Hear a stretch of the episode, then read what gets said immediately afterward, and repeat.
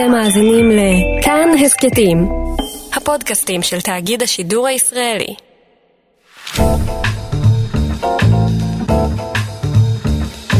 תיק רפואי, מגישה דקלה אהרון שפרן.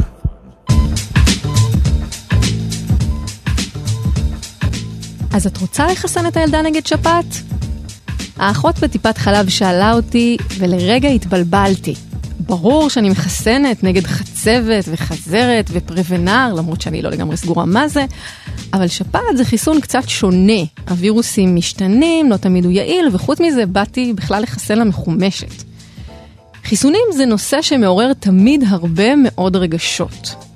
יש את החצבת הארורה שהרימה ראש, יש את מי שזועם על המתנגדים לחיסונים, אבל בשורה התחתונה, לחסן נגד שפעת, לא לחסן, ואיך זה שאנשים צעירים ומאוד משכילים אומרים שחיסונים זאת בכלל קונספירציה של חברות התרופות. דוקטור ערן קופל, מה אתה אומר על זה? אני חושב, דקלה, שאם לא היו חיסונים, את לא היית כאן היום.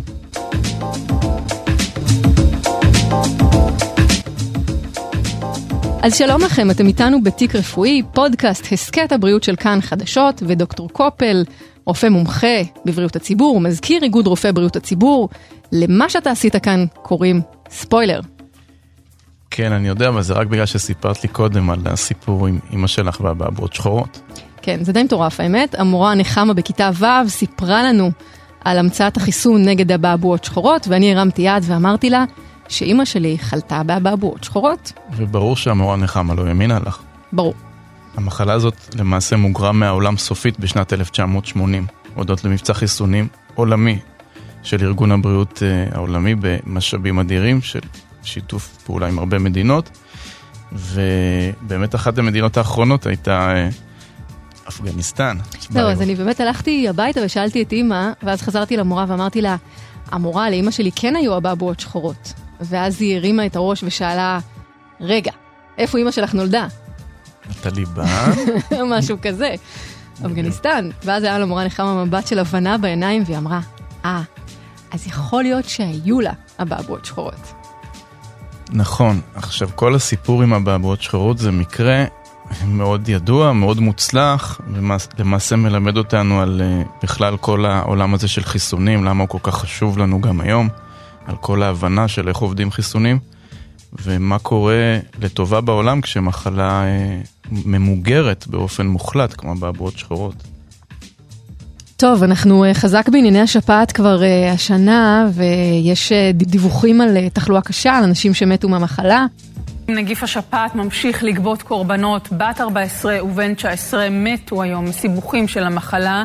שני ילדים, בני שמונה ועשר מאושפזים בבתי החולים במצב קשה מאוד. מתחילת עונת השפעת אושפזו כמעט 100 בני אדם בשל סיבוכי המחלה. תשעה מהמאושפזים נפטרו. במשרד הבריאות קוראים לציבור להתחסן. הזן הדומיננטי השנה הוא זה שכונה לפני כמה שנים שפעת החזירים, ו-98 מאושפזים במצב קשה נספרו בבתי החולים השנה. אתה התחסנת השנה? כן, בוודאי, בלי שום שאלה. אתה מאלה שהולכים ראשונים? הולכים ראשונים, תמיד, עוד לפני שבכלל הגעתי לתחום אה, רפואה ובריאות הציבור, התחסנתי שנה אחרי שנה. אנחנו יודעים ש... מנסים, הרבה פעמים מנסים ככה לבדוק בנתונים ולראות אם האנשים שחלו בצורה קשה אה, התחסנו או לא, או לא התחסנו. כלומר, אם יש קשר בין אנשים שמתחסנים מפני שפעת לבין אה, תחלואה קשה. יש נתונים לגבי זה השנה? יש כן, קורלציה? תמיד. יש קורלציה גם השנה, והשנה נחשבת עונה קשה, אנחנו לצערנו... עד עכשיו, כן. התחלנו אותה מוקדם. אנחנו עוד, אה, רוב עונת השפעת עוד לפנינו. למעשה אנחנו עוד לא בשיא החורף, זו עונה חריגה השנה, אבל כל שנה יש אה, חולים קשים, כל שנה יש פטירות. השנה הכל התחיל מוקדם יותר, מאוד מזכיר את מה שקרה באוסטרליה בחורף שלהם. כלומר לפני כחצי שנה. באוסטרליה בסופו של דבר, כלומר הייתה תחלואה מאוד מאוד אה, אה, קשה, היה פיק מאוד רציני מוקדם. מוקדם. אבל בסופו של דבר הייתה עונה שהיא ממוצעת או מעל הממוצע. בסופו של דבר הייתה עונה קצת מעל הממוצע, mm-hmm. אבל זה רזולוציה נמוכה מדי למדוד, להגיד, אוקיי, אז כל העונה זה יתאזן. מה יתאזן?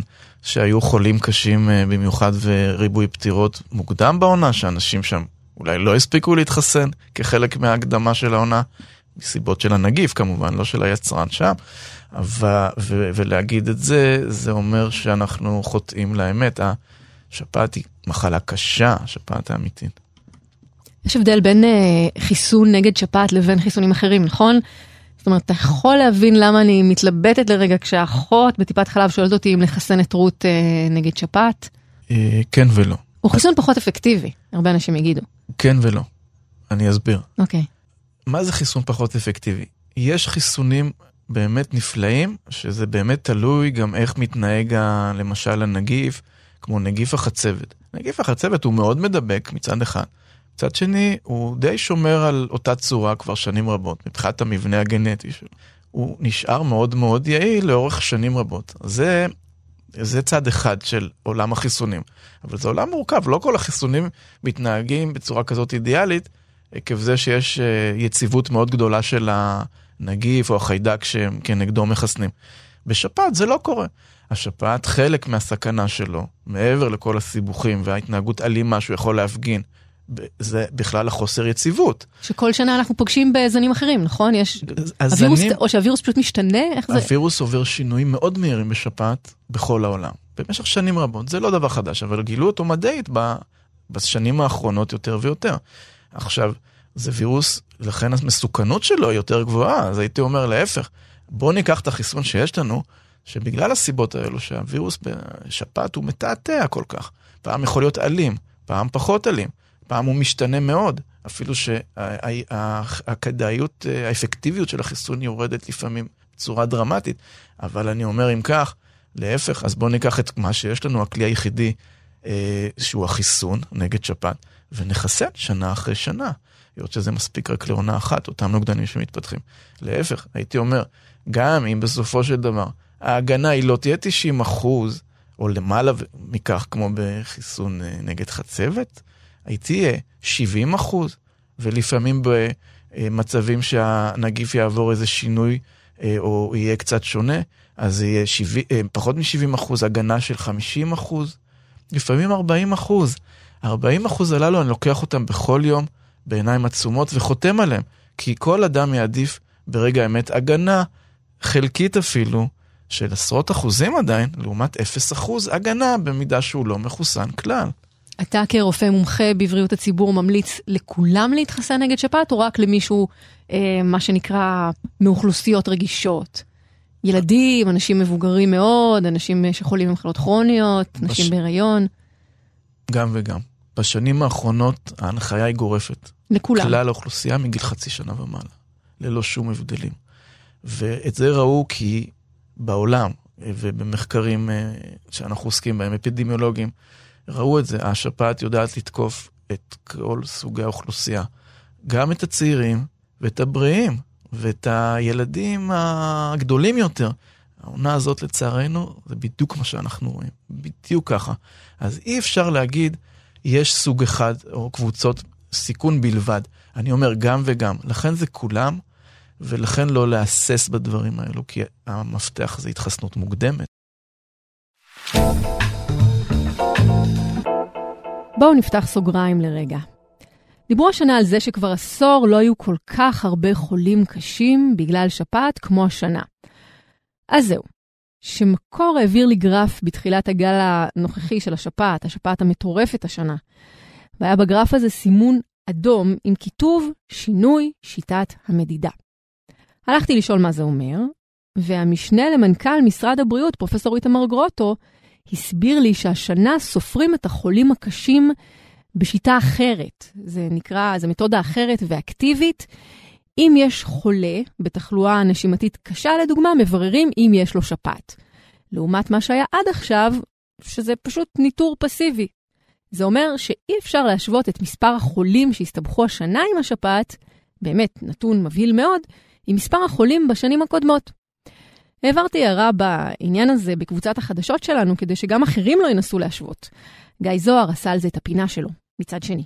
כבר כמה ימים משרד הבריאות ואחריו התקשורת צועקים כמה השפעת השנה מסוכנת וקשה.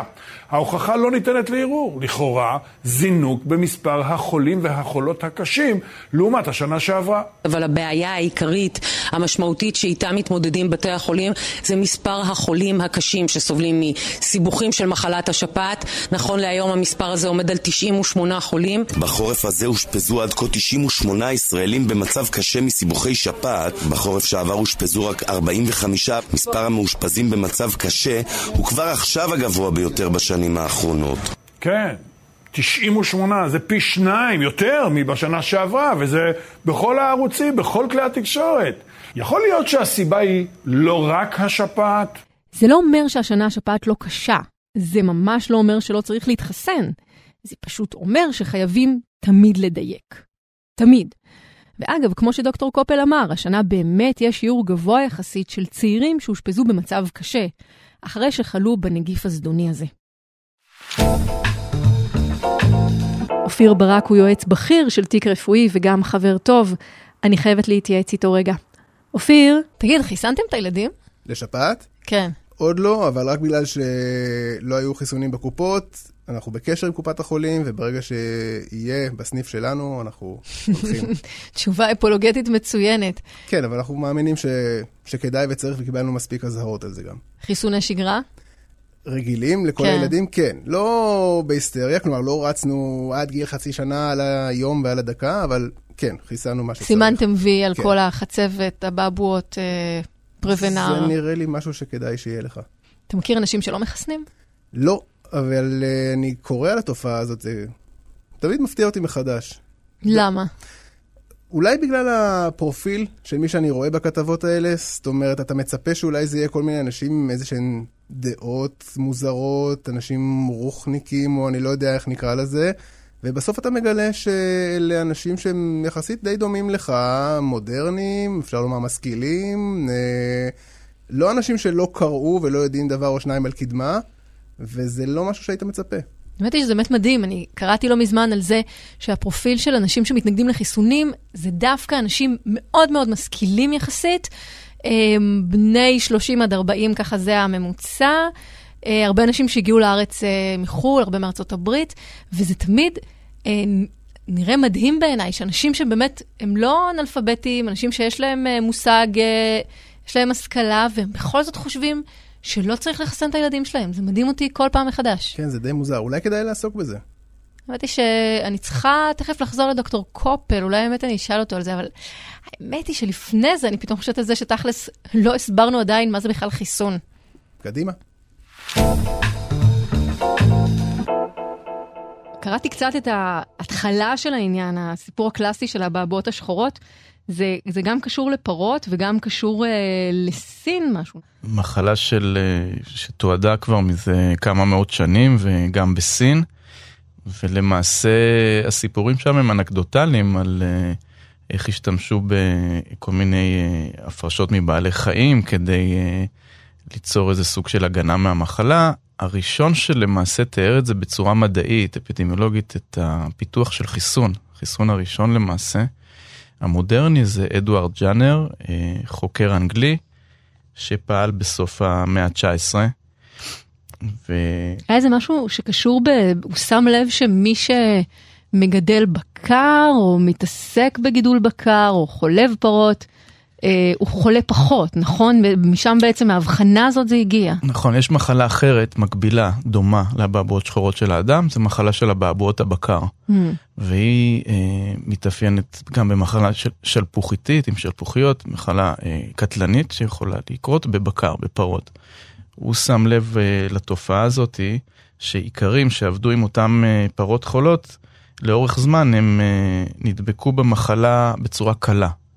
כלומר, היה שם איזה תהליך של חיס, חיסון טבעי, אותם איכרים נחשפו לחומר, אה, היום אנחנו יודעים, הנגיף, בצורה שהיא מוחלשת יחסית, נגיף שהוא לא אה, אחד לאחד הנגיף שגורם למחלה האנושית הקטלנית לנו, ועל הבסיס הזה, התצפיתי המדעי הזה, הוא לקח לו שנים, אבל הוא למעשה פיתח חיסון אה, שדי מוצלח גם אה, היה עד, אה, עד לזמן שבו המחלה מוגרה, מוגרה סופית, זה חיסון שהוא עובד על בסיס אה, חשיפה לחומר החיסוני ופיתוח של נוגדנים.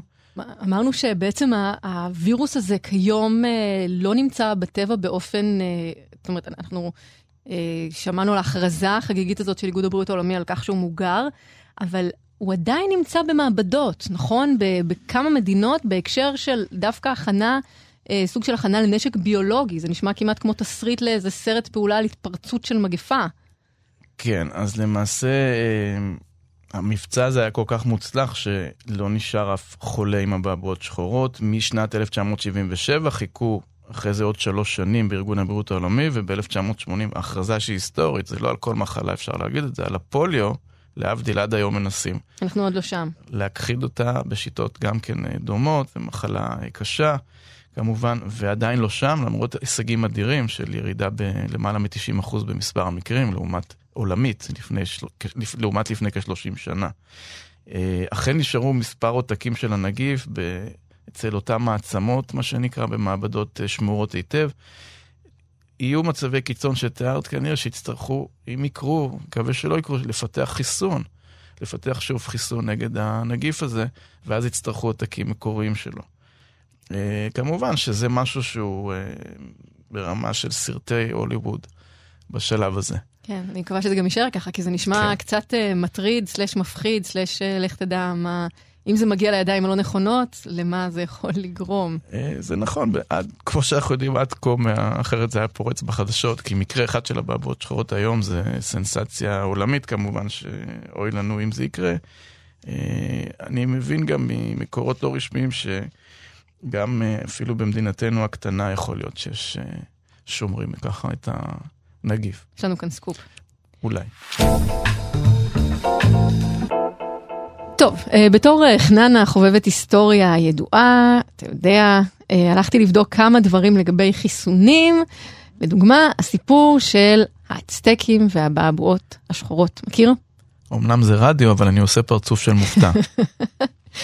זה היה קצת מעליב, אני יודעת. ברור שאתה מכיר, בשנת 1519 מפליג הרנן קורטז למקסיקו, אה, כדי לגלות ולכבוש את הארצות החדשות שבמערב, הוא יוצא בראש צי של 15 אוניות או 11 אוניות לפי גרסה אחרת, ובהן כמה מאות אה, ספרדים.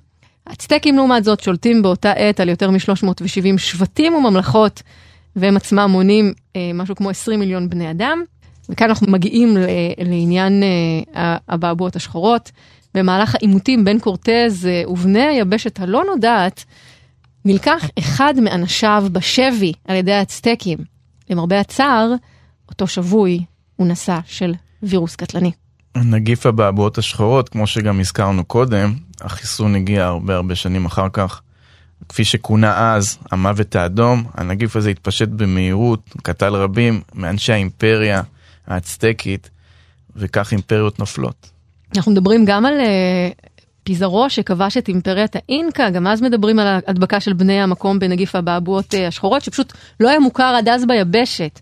אה, וזה אומר שלפי מקורות היסטוריים, האוכלוסייה אה, הנייטיבית, בעצם הילידית המקורית של דרום אמריקה, הצטמצמה בצורה היסטרית בשנים הללו, מסיבות שונות, אבל ללא ספק אחד הגורמים המרכזיים הוא הווירוס הזה שגרם לבעבועות השחורות. ככל הנראה, ואנחנו רואים איך זה יכול לקרות. אה, גם באימפריה הצטקית, האינקה שהזכרת, בבעבועות השחורות המפורסם הזה תולים גם את האחריות להידרדרות ולנפילה של האימפריה החיתית, המוקדמת עוד יותר. ככל הנראה גם אז היה סיפור שלקחו בשבי חיילים אה, מצריים שנשאו בגופם את הנגיף, וואו. הם שרדו, ואז כך התחילה אותה אה, הידרדרות.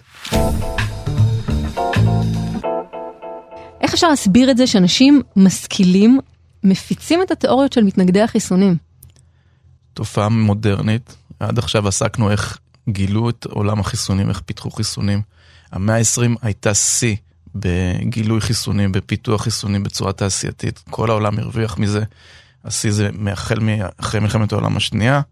כמובן גילו גם אנטיביוטיקה בשם פנצילין בשנים הללו, אבל משנות החמישים ואילך החיסונים נכנסו לשגרה, שגרה של חיסוני ילדים. יש תחושה שאנשים פספסו קצת את המהפכה הזאת בדור שלנו, בדור של אותם הורים צעירים, שגם אנחנו שם, אה, משהו כאילו נשכח בדור אחד. הרי עד אה, שנות החמישים, אמצע, עד סוף שנות החמישים, היו מגפות פוליו בארץ, שיתוק ילדים, פה בארץ. לא במקומות אזוטריים, כמו שלאחר מכן אה, היום נשארו מדינות בודדות, ככה ממש מהשורה האחרונה, שעדיין צריך לטפל שם על ידי ארגון הבריאות העולמי. אבל כאן אנחנו מדברים על דור אחד לפנינו סך הכל, שלא נהנה מאותה שגרת חיסונים שמגינה לא רק על הילדים מהמחלות הקשות הללו, בעיקר של הילדות, אלא גם בעצם משפחתה מוגנת, הסביבה שלהם, הקרובה מוגנת, על ידי זה שמשיגים את חסינות העדר. אותה חסינות עדר מפורסמת, שברגע שיש מספיק מחוסנים מהחיסונים הללו של השגרה, אנחנו מגינים על כלל האוכלוסייה. זו מהפכה, כנראה שהיא נשכחה משהו. היום בריבוי האינפורמציה אנחנו בעידן אחר. העידן הזה, עידן המידע, הוא מבורך מצד אחד, אבל הוא חושף את האנשים, את כולנו, להמון דיסאינפורמציה. וזאת מילת מפתח אה, מאוד מאוד חזקה על ידי אותם אמצעי תקשורת נפלאים כרשתות חברתיות, אבל אפשר לעשות בהם שימוש לרעה. אנחנו עמוסים במידע יומיומי בצורה אה, של חסרת תקדים בהיסטוריה האנושית. אפשר לעשות עם זה טוב, אבל יוצאים פה תופעות מסוכנות, כמו שהגדיר ארגון הבריאות העולמי. להבדיל או לא להבדיל, ראייה תור... אני לא רוצה לפרסם את התורה הזאת, אבל תיאוריית העולם השטוח, העולם השטוח. שהיוטיוב מסייע בהפצתה, לא במתכוון, אבל כאמצעי אה, תקשורתי מהמעלה הראשונה. האם אנשים שכחו כבר שהעולם עגול? אנשים משכילים גם כן לחלוטין. מסתבר שיש דברים שכנראה נוח להאמין, שזה עניין של סביבה חברתית תומכת בתיאוריות שהן לא ממסדיות או נתפסות כאלטרנטיבה. אתה יודע, זה די מדהים שאתה מדבר על זה שארגון הבריאות העולמי מכריז על ההתנגדות אה, לחיסונים כסכנה גדולה לעבריות הציבור, לצד העמידות לאנטיביוטיקה, לצד באמת אה, אה, איומים מאוד גדולים שהם, ש, של, שלא תלויים באדם, נכון. או תלויים, אבל, אבל אתה יודע, אנחנו מנסים להילחם בהם, וכאן זה ממש עניין של שיש חיסונים יעילים להרבה מאוד מחלות, אבל אנחנו אומרים, בעצם אולי לא. המקרים העצובים ביותר, זה אותם מקרים שיכלו להתחסן. וזה במדינות שבהן יש מערכת חיסונים שמחסנת טובה, כמו ישראל, מערכת של טיפות חלב, דברים מהסוג הזה. זה הטרגדיות האמיתיות, וזה אכן תקדים להכריז על תופעה חברתית כמשהו מוחשי מאיים, לא פחות מדברים ביולוגיים, כמו אה, עמידות לאנטיביוטיקה. אה, אנחנו דיברנו מוקדם יותר עם דוקטור גיל צ'פניק מעמותת אה, מדעת על ההתפרצות האחרונה של החצבת והקשר להתנגדות לחיסונים. אני חושב שכשאנחנו מדברים על סיכונים בריאותיים, ממש אפשר להסתכל על הנושא הזה בצורה מדעית רפואית. הולכים למקומות שבהם יש התפרצות, ורואים מה משותף בין כל המקומות האלה. ובכן, בין כל המקומות האלה, בין כל הקהילות שבהם יש התפרצות מחודשת של חצבת, הטריגר הוא פעילות של אנשים שמפיצים את הדיסאינפורמציה הזו כמו מגפה, כמו וירוס. זאת אומרת, זה מדביק. אנחנו יכולים ללכת למקומות למשל כמו סמואה היום. בסמואה יש התפרצות של אה, חצבת ועשרות חולים. מה שהיה הטריגר של הפגיעה בשגרת ההתחסנות, זה איזשהו אירוע שבו אה, אחות נתנה תמיסה לא נכונה לילדים, שהיא חשבה שהיא מחסנת אותם, אבל נתנה להם את זה בתמיסה שונה, עשתה טעות רשלנית, והילדים האלה נפטרו, ואז הגיעו מתנגדי חיסונים לסמואה, והתחילו להפחיד... ואמרו שזה בגלל החיסון. כן, והתחילו, אנחנו ממש יודעים מי האנשים האלה, והתחילו להפחיד נגד החיסון. וראו איזה פלא. שיעור ההתחסנות ירד בעשרות אחוזים, וכמו שערן אמר בדיוק קודם כאן, אה, אה, אה, חלה עלייה בתחלואה. ניו יורק, הקהילה החסידית בניו יורק, מתנגדי חיסונים, מפיצים דיסאינפורמציה בתוך הקהילה הסגורה הזו, שלנו קשה להגיע אליה, אבל איך הם הפיצו את הדיסאינפורמציה? הרי לא מדובר באנשים שגולשים בפייסבוק. שם השתמשו במשהו אחר. הם, אה, יש להם אה, קווים חמים כאלה שמתקשרים אליהם בשביל לקבל חדשות. אז הם הפיצו את הפייק ניוז שלהם על חיסון החצבת דרך הטלפונים האלה, אוקיי? וזה אותם אנשים. ורשויות הבריאות בארצות הברית לא עברו למקום של הקהילות הללו בהפצת החצבת בארצות הברית, בניו יורק בפרט, בארצות הברית בכלל. אנחנו, הם, אה, זה חסידים שנדבקו בישראל, הביאו את זה לניו יורק, והתפרצות בניו יורק. זה, זאת אומרת, יש פה פעילות ממש של ארגון טרור כמעט, אפשר להגיד. בואו ננסה רגע לפרק את זה. מה הקטע של הקשר בין חיסונים לאוטיזם? אני יכולה לספר לך מסקירה מאוד מאוד מתסכלת של עמודי פייסבוק באדיבות מתנגדי חיסונים. הטענה הזאת עולה שוב ושוב. לא רציתי להזכיר את, את שמו בתשובה הקודמת שלי, אבל זה, עליו דיברתי, זה אנדרו וייקפילד. אני אפילו לא קורא לו דוקטור, כי שללו לו את הרישיון. בעקבות? בעקבות המחקר השקרי שהוא פיצה ופרסם. למעשה, אה, בשנת 1998 פרסם מאמר בעיתון מאוד מכובד, רפואי בריטי, הלנסט, והוא תיאר שם סדרת מקרים, 12 מקרים של ילדים עם בעיות אה, דלקתיות במעי והידרדרות בתפקודי שפה, שחלק מזה אובחנו כאוטיסטים. אה, מ-12 הילדים הללו. זה מדגם מאוד מאוד קטן, צריך להבין. קודם כל, ודאי, אז כבר מתחילים להבין שיש פה 12 משתתפים. גם אם הכל מאוד מדויק, זה מדגם שהוא לא יכול להוכיח קשר סיבתי בין סיבה לתוצאה, בין חיסון לאיזושהי מחלה אמיתית. אבל הוא הלך עם זה, אה, ושכנע, שכנע את הממסד לזמן מאוד קצר, לפחות את עורכי אותו עיתון באותו זמן, שיש מאחורי זה איזושהי אמת אה, מדעית, דבר שהופרך לחלוטין בכל השנים שאחר כך, שאותה סמיכות זמנים, מה שנקרא, שחלק מאותם 12 ילדים, שאכן פיתחו מחלת מעי וחלקם אה, עם תפקודי שפה אה, לקויים ואפילו אוטיזם, בזמן אה, מקביל לשלב ההתפתחותי הזה שלהם ולמחלת המעי שוטר, הם גם קיבלו חיסון משולש, שמכיל בתוכו גם את המרכיב החצבת וחזרת ואדמת. הקשר הזה, שהוא קשר בין זמנים של סוג של צירוף מקרים, הוא הפך את זה למחקר מדעי סיבתי, שחיסון הוביל לאותן מחלות שהוא בעצם החיסון הוא זה שגרם כן. לדברים האלה. וכך הוא ניסה לשכנע, אה, ולמעשה התגלה, אה, לקח כמה שנים, אה, אם כי די מהר חלקו עליו, אבל לקח כמה שנים של תהליך עד שגנזו לגמרי את המאמר הזה, מחקו אותו מהעיתון, מדפי העיתון, מאתר העיתון. ועדה של איגוד הרופאים הבריטי שללה לו את הרישיון. כיוון שהוא לא רק, הוא לא טעה בתום לב, אלא ממש זייף את התוצאות שהוא הציג. כלומר, אפילו לא היה מראית קצהו של קשר כלשהו, למעט איזשהו צירוף מקרים שאפשר על זה להגיד תמיד הכל. והרבה פעמים יש חוקרים שאפילו עושים את זה בטעות, זה חלק מהמדע של ה... שבוחן תופעות באוכלוסייה, מהם סיבות למחלה. אבל הוא לא עשה שום שלב כמו שצריך, הוא עשה את הדברים אף בכוונה, תחילה כמו שהתגלה והוכח, וגם גילו שהיו לו אינטרסים מסחרים למעשה, בכך שהוא מקעקע את תדמית החיסונים, אה, היות שהוא בעצמו, אה, היה לו קשרים אה, לגבי תביעות משפטיות ועורכי דין שייצגו כל מיני נפגעים לכאורה מחיסונים. זה תביעות שיש בצדם כסף, והוא היה לו שם אינטרס. ובעצם כל הסיפור הזה, שהוא, זאת אומרת, המחקר הזה שקשר בין אוטיזם, בין חיסונים לבין אוטיזם, בגלל זה עד היום יש את כל האדוות האלה של אנשים שאומרים, כן, זה, יש קשר ברור בין הדברים, וזה... זה הספיק, כן, הספיק 12 ילדים, מאמר שהתפרסם בטעות יסודות. חוץ מאוטיזם יש אה, עוד הרבה מאוד טענות על מה שיש בחיסונים, אה, כמו פרט. בוא נשמע את השיחה שלנו בעניין עם אה, דוקטור גיל צ'פניק.